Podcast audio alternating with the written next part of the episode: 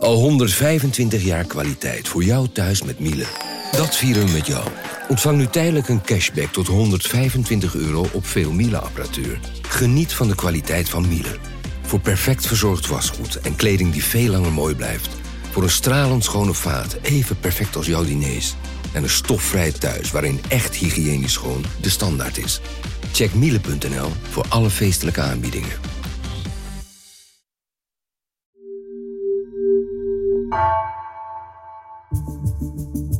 Vanaf de redactie van NRC het verhaal van vandaag. Mijn naam is Gabriella Ader.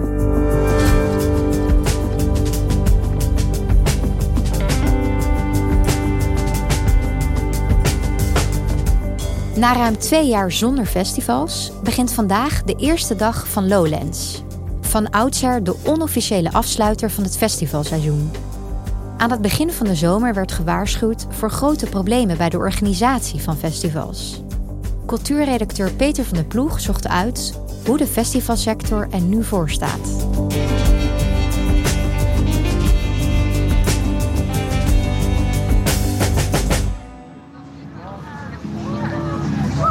Vandaag is uh, de eerste echte Lowlands-dag. Gisteren zijn de eerste bezoekers uh, aangekomen op de terreinen en uh, hun tentjes op gaan zetten. Het eerst wakker geworden. Het is de eerste Lowlands in drie jaar. Twee jaar is het niet doorgegaan vanwege de coronacrisis uiteraard. De teleurstelling is groot bij de mensen die druk werkten aan de opbouw van het festival. Want het gaat niet door. Nou mannen, het is een, een zuur verdiend biertje. Maar uh, hij is toch heel gemeend. En uh, heel veel bewondering voor jullie uh, hier op het terrein. En ja, hopelijk staan we volgend jaar weer echt. En eindelijk kan het weer. Lowlands is altijd een beetje de onofficiële afsluiter van het festivalseizoen. Het laatste echt grote festival. Er komen nog een paar kleintjes aan. Maar Lowlands is toch een beetje de apotheose van een, een festivalzomer. Dus uh, iedereen heeft er ontzettend veel zin in. En ja, we durven eigenlijk nu pas een beetje te geloven hè, dat alles is doorgegaan. Paaspop ging door, Pinkpop ging door, Noordse Jazz, Zwarte Cross, noem het allemaal op. Alles is, is gewoon gelukt. En ja, Lowlands is daar toch een beetje het, het uitroepteken achter. Peter, je beschrijft al dat er eindelijk weer een zomer was met festivals. En ben je zelf ook naar veel festivals geweest? Ik ben bij Roadburn geweest uh, en bij uh, Best Kept Secret uh, ben ik geweest. En het was verrassend normaal om weer gewoon een festivalterrein op te lopen. En zo'n enorme massa te zien bij grote artiesten onder een, een blauwe oftewel sterrenhemel. Het was heel fijn. Je was er meteen weer aan gewend? Ja, meteen weer aan gewend. Je, je hebt het gevoel, drie jaar lang kon het niet en we waren er zo mee bezig. En ik heb zoveel over geschreven, over wat er allemaal niet doorging en wat de gevolgen waren. En hoe zwaar dat was. Dan verwacht je uh, je loopt zo'n terrein op, uh, je loopt de, de, modder of het gras of het zand in en dan is het heel gek, heel vreemd. Maar het, het, is helemaal niet zo. Het is juist heel normaal, heel fijn.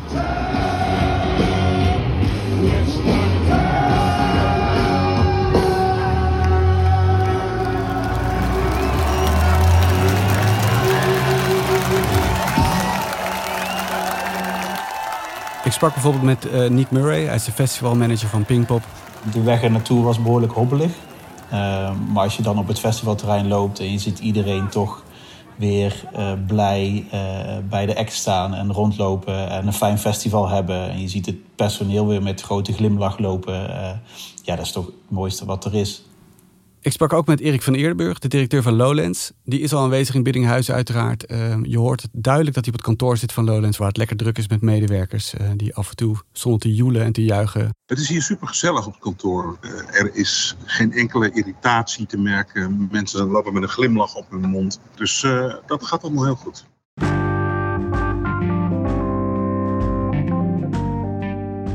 Hoeveel festivals zijn er eigenlijk in Nederland?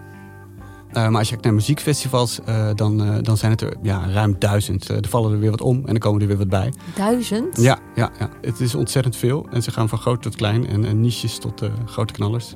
Dat is dus een gigantische branche, die wel ruim twee jaar stilstond door corona. Dus wat verwachtte jij van deze zomer? Dat er ineens weer zoveel festivals waren? Nou, ik was wel benieuwd hoe het weer op kon starten. Hè? Of er problemen zouden zijn. Al snel hoor je dan uh, geluiden uit de sector uh, van mensen die zich zorgen maken. Ja, want Peter, jij schreef namelijk in juni al een stuk over de moeilijke start die de festivals hadden. Het leek er even op zelfs dat het festivalseizoen helemaal in het water zou vallen. Wat waren de problemen? Ja, de, de grootste problemen zaten en zitten in uh, personeel en in materiaal. Dus er zijn heel veel eh, ZZP'ers, heel veel mensen die normaal gesproken de zomer meewerken aan, uh, aan festivals, technici, gespecialiseerd personeel. Die zijn wat anders gaan doen. Die zijn uh, ja, gewoon op een andere manier hun geld te gaan verdienen. Die zijn zonnepanelen gaan installeren of, of andere technische klussen gaan doen. die ben je dan gewoon kwijt, want die hebben een 9 tot 5 baan. En die gaan dat niet zomaar meer opgeven voor onzekere festivalklussen. Ook barpersoneel, beveiligers. Maar je hoort wel van, van bedrijven ook dat dat heel onzeker is. Dat ze 100 mensen inplannen voor een festival. En dat er maar 80 opkomen dagen. Dat er toch een heleboel uitval is. En veel mensen die denken, nou ik kan toch wat, uh, wat anders gaan doen. En Pinkpop had er ook last van, vertelde Nick Murray. We zijn een paar jaar terug in de tijd gegooid. Door, uh, doordat we heel veel kennis en heel veel mensen uh, kwijt zijn geraakt. Ja, dat, dat is gewoon een gegeven en daar moeten we mee, mee doen. Materialen waren daarnaast heel erg schaars. hele simpele dingen als rijplaten die je nodig hebt om een podium op te kunnen bouwen. Of uh, waar je um, je materiaal op moet kunnen vervoeren, zeg maar, op die drassige weides. Die, dat was heel moeilijk aan te komen. En je hoort ook van, uh, van toeleveranciers die kampten met heel late leveringen. Dat, dat iets op een festival werd gebruikt wat het volgende weekend meteen weer gebruikt moest worden. Of soms hetzelfde weekend. Wat dan veel later aankwam dan ze gewend waren behoorlijk wat leveranciers die gewoon aangaven van we kunnen uh, niet leveren wat jullie willen. Uh, om verschillende redenen. Uh, maar ook het feit dat leveranciers niet geïnvesteerd hebben in materiaal, wat ze normaal doen, de normale cyclus. Die hebben natuurlijk twee jaar ook stilgestaan, dus dan ga je niet zo snel een hoop investeren. Dus dat was wel, dat was ook een dingetje. Nu noemde jij net problemen bij de opbouw van het festival. Dat doet me heel erg denken aan wat ik hoor van vrienden die een huis laten verbouwen. Hè, of die met andere uh, soortgelijke dingen bezig zijn. En daar hoor je elke keer dat bijvoorbeeld de oorlog met Oekraïne daar iets mee te maken heeft. Herkende jij dat in die verhalen? Dat, dat grote wereldontwikkelingen momenteel ook bijdragen aan die problemen bij festivals? Nou, ten eerste was de druk heel hoog omdat er heel veel festivals ineens weer tegelijkertijd werden gehouden. Um, er waren ook heel veel andersoortige tours, theatertours, muziektours, die ineens veel langer doorliepen dan normaal gesproken, omdat ze al hun shows moesten inhalen. En eh, inderdaad, de oorlog in Oekraïne speelt wel mee. Eh, en ik, misschien net op een iets andere manier. Wat je bijvoorbeeld ziet met de oorlog in Oekraïne is dat het zorgt voor een vluchtelingencrisis. Uh, en in die opvanglocaties is heel veel van dat spul wel nodig. En dat is wel een groot gevolg. Veel van de mobiele infrastructuur die we normaal in de muziekindustrie gebruiken, die was al in gebruik bij de GGD en bij de testcentra en zo. Maar daar komen nu de, de vluchtelingenproblematiek komt daar overheen. Uh, dus tijdelijke opvang maakt gebruik van portecabins, van sanitair, van rijplaten, van uh, aggregaten, noem zo maar op. Aan de andere kant is het ook weer zo dat veel bands, ja, als je het hebt over Amerikaanse bands die grote tours doen door Europa, ook bijvoorbeeld eigenlijk wel Oekraïne nodig hebben en Polen en Roemenië en andere plaatsen in die regio om grote festivals te kunnen spelen. Ook daar zijn de grote festivals die ze nodig hebben voor hun um, tour. Uh, dat ze, ze, calculeren van uh, ik heb zoveel grote festivals nodig om deze tour rendabel te maken. Daar horen dat soort landen en dat soort festivals ook bij. En dat zou ook um, uh, in de toekomst nog wat moeilijker kunnen zijn als die oorlog maar door blijft woeden. Daarnaast waren er heel veel materialen um, bij de GGD's in gebruik. Vooral in het begin van het seizoen bij de test- en de priklocaties. Vanwege COVID. Vanwege COVID. Het, het, is voor ons allemaal een beetje voorbij. Maar het is voor grote toerende acts nog steeds een, eh, een spook. als je uh, één bandlid hebt of een, of, of een aantal crewleden die ziek zijn, dan kan het zomaar zijn dat je een aantal data niet kunt spelen. En die tours die zijn heel strak begroot. Dus een paar grote festivals of een paar grote concerten niet kunnen spelen. En je hele tour is niet meer rendabel. Er zijn wat minder Amerikanen, uh, omdat het veiliger is om thuis te blijven, eigenlijk uh, op, het Amerikaanse continent te blijven. En zo gooit corona toch nog een beetje uh, in het eten. En dat zie je bijvoorbeeld op de line-up van Lowlands heel goed terug. Pinkpop had dan nog wel een paar grote Amerikaanse knallers. Maar Lowlands heeft het toch vooral eigenlijk van, van de Britten dit jaar. En dan heb je nog de Brexit, die het vooral voor de wat kleinere acts moeilijk maakt om hier naartoe te komen en andersom. Eh, ze zijn vaak veel meer tijd kwijt eh, om de benodigde vergunningen en toestemming te krijgen. Eh, van die permits hebben ze nodig. En vaak kost het ze extra geld en een extra dag die ze normaal gesproken zouden gebruiken om meteen op te kunnen treden. Je ziet dat bands lang bij de grens opgehouden worden. En met name de, ook weer de kleinere bands. Dat is allemaal duur, bureaucratisch. En je kunt niet even, zoals vroeger, met een busje, hup de boot op. Uh, en dan uh, karren maar door Europa. Dat, dat, dat gaat niet meer. Je schetst net een beeld van uh, festivals die met veel problemen kampen. Maar wat is er uiteindelijk van terechtgekomen? Is, is het allemaal doorgegaan? Uiteindelijk is alles doorgegaan en is alles gelukt. En zou je kunnen zeggen, nou, dat viel wel mee. Maar als je nu met mensen uit de sector praat, dan lopen ze toch wel een beetje op hun tandvlees. Dan hoor je dat het wel heel veel kunst en vliegwerk is geweest. Dus dat mensen soms uh, nachten door moesten werken uh, met veel minder mensen. Uh, dat ze voor andere materialen moesten kiezen. Dat er in plaats van 300 lampen die ze normaal gesproken boven het podium hangen, nu 200 hingen. Hebben bijvoorbeeld, normaal hebben we zwartgezeilde hekken. dit jaar kon de leverancier alleen maar witgezeilde hekken leveren. Ja, dan, dan doe je maar met witgezeilde hekken. Nick Murray van Pinkpop sprak over het aantal creatieve oplossingen die ze probeerden te bedenken. Normaal zou je inderdaad uh, onder het podium uh, alles volleggen met stalen platen op, plekken wat niet geasfalteerd is.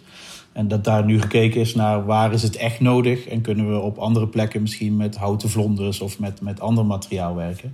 Dus zo is daar zeker wel, wel naar gekeken. Ik denk op Camping B hebben we altijd een groot cateringplein. De basis daarvan is, zijn ook vlonders. Uh, nou, die waren er ook niet allemaal. Nou, dan ga je het iets compacter indelen. Dat klinkt voor mij vooral heel vermoeiend en, en niet zo heel relaxed voor de mensen die, uh, ja, die het festival organiseerden en mogelijk maakten. Maar voel je daar dan als bezoeker ook echt iets van?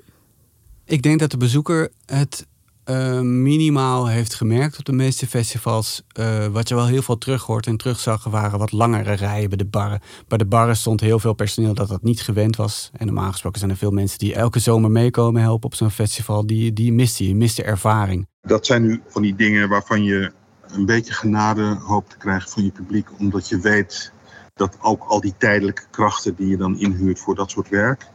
Uh, wat onervarener en mogelijk wat roestiger zijn. Dus uh, de rijen daar waren wat langer. Um, er kwamen veel beveiligers uit andere landen.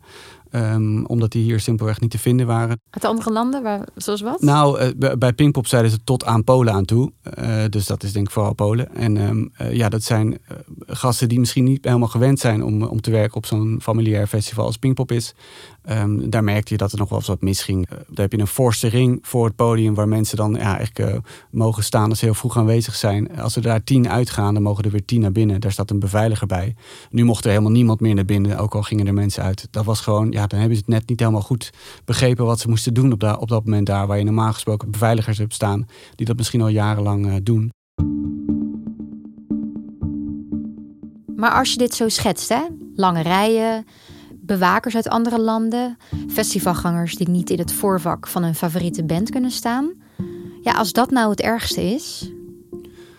Ja, je zou kunnen denken, dit is het bewijs dat het met minder kan. Uh, maar het grootste gevolg van de problemen die nu deze zomer uh, zijn ontstaan, is dat alle prijzen zo hard gestegen zijn. Uh, dat geldt voor alle materialen. Dat geldt voor energie. Alles bij elkaar is alles duurder geworden. En daardoor is ook de ticketprijs enorm omhoog gegaan. En ook de muntprijs die mensen moeten betalen. Lowlands is dit jaar naar 255 euro gegaan. Dat is 35 euro meer dan de laatste editie. Dat is in 12 jaar tijd met 100 euro gestegen. Als die prijzen blijven stijgen, dan uh, moeten ook de ticketprijzen blijven stijgen. Want ook dit jaar zag je dat de festivals nauwelijks uitkwamen, ondanks die prijsstijging. En dat is iets waar de festivaldirecteuren zich ook grote zorgen om maken. Een van de moeilijke dingen natuurlijk van zo'n groot festival is dat je aan de ene kant de creativiteit en de vrijheid allemaal maximaal wil uh, faciliteren, zeg maar. Uh, aan de andere kant is dat je ook moet zorgen dat het financieel in de hand blijft.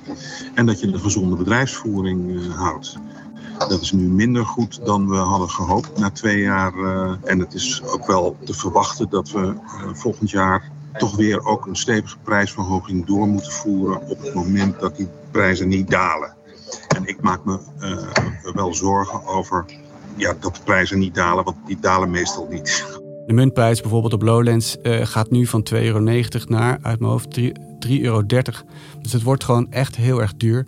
Um, en de vraag is voor wie festivals straks nog zijn. Dat is ook iets waar de festivaldirecteuren zich zorgen over maken. Hè. Voor wie komen er straks nog naar, naar onze festivals toe? Zijn het alleen maar de dertigers en de veertigers met dubbele inkomens? Of kunnen ook straks studenten en jongeren nog van een festival genieten? Maar er komt nu een punt aan dat je, dat je ziet dat een belangrijke doelgroep is uh, studenten en starters op de, op de arbeidsmarkt.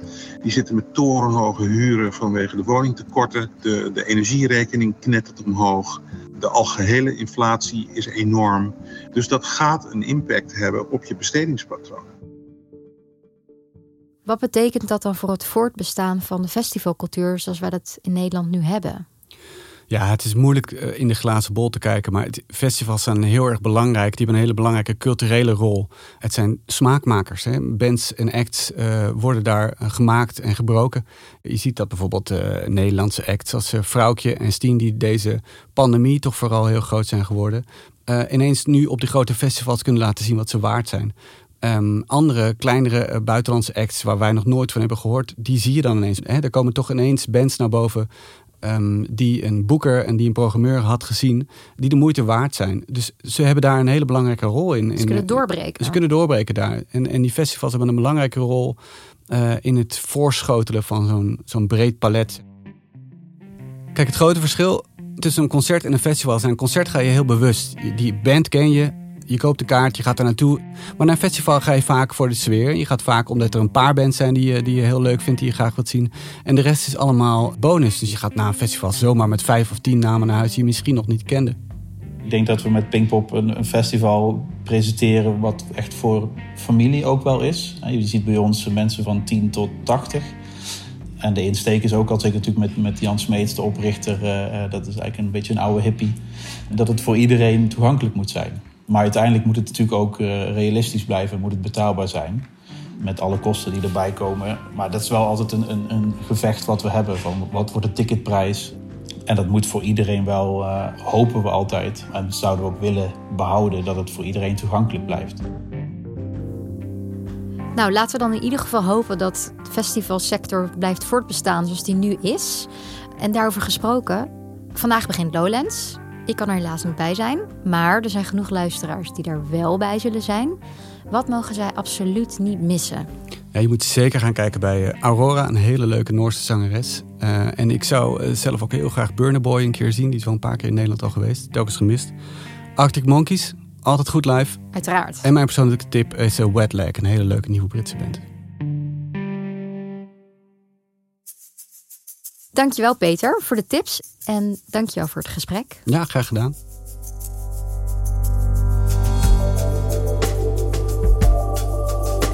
Je luisterde naar vandaag, een podcast van NRC. Eén verhaal elke dag. Deze aflevering werd gemaakt door Iris Verhulsdonk, Wijken van Koolwijk, Julia Vier en Misha van Waterschoot. Dit was vandaag, maandag weer.